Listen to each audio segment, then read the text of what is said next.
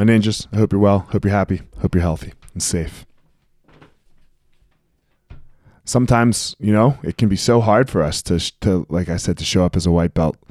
Um, sometimes our ego gets in the way. So, if that is the case, what can we do? The best way to show up as a white belt that can leave your ego just out the door where it's not, um, there's no one there for you to say it to, is by reading. Read books.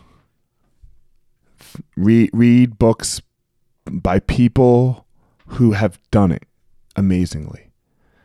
People who are doing what it is that you're doing in your field that have been very successful at it.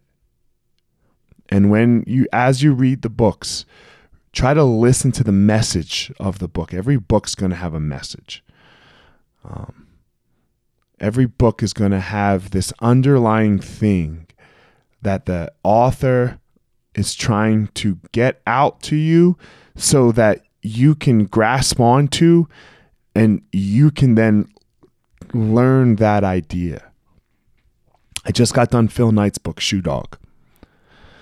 It was about shoes, but it wasn't. It was about people, it was about culture, it was about how to do this together, how to build a business together.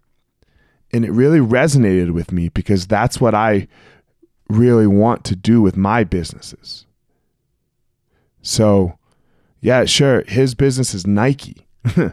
He's hanging out with Michael Jordan and Tiger Woods and and all these other amazing athletes. But that's not how he saw it. Because the interesting part of the book is that he really didn't talk about any of that. It's a I don't know, it was a, it was a long book. I think it was like 7 hours, so I listened to it. He the last 20 minutes was the first time that he mentioned Michael or Tiger. The rest of it was about before 1980 and Nike.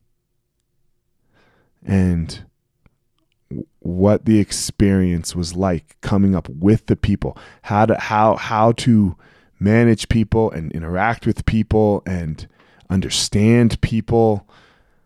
And and his and it was all from him from the perspective of shoes, which is not mine at all. But it was totally about my industry. It was totally about what I'm trying to do. It was totally about how to be an entrepreneur and how to have a meeting and how to how and how to do this and that and all these great things and he still sees it that way. So go out there and be a shoe dog so you can find your power.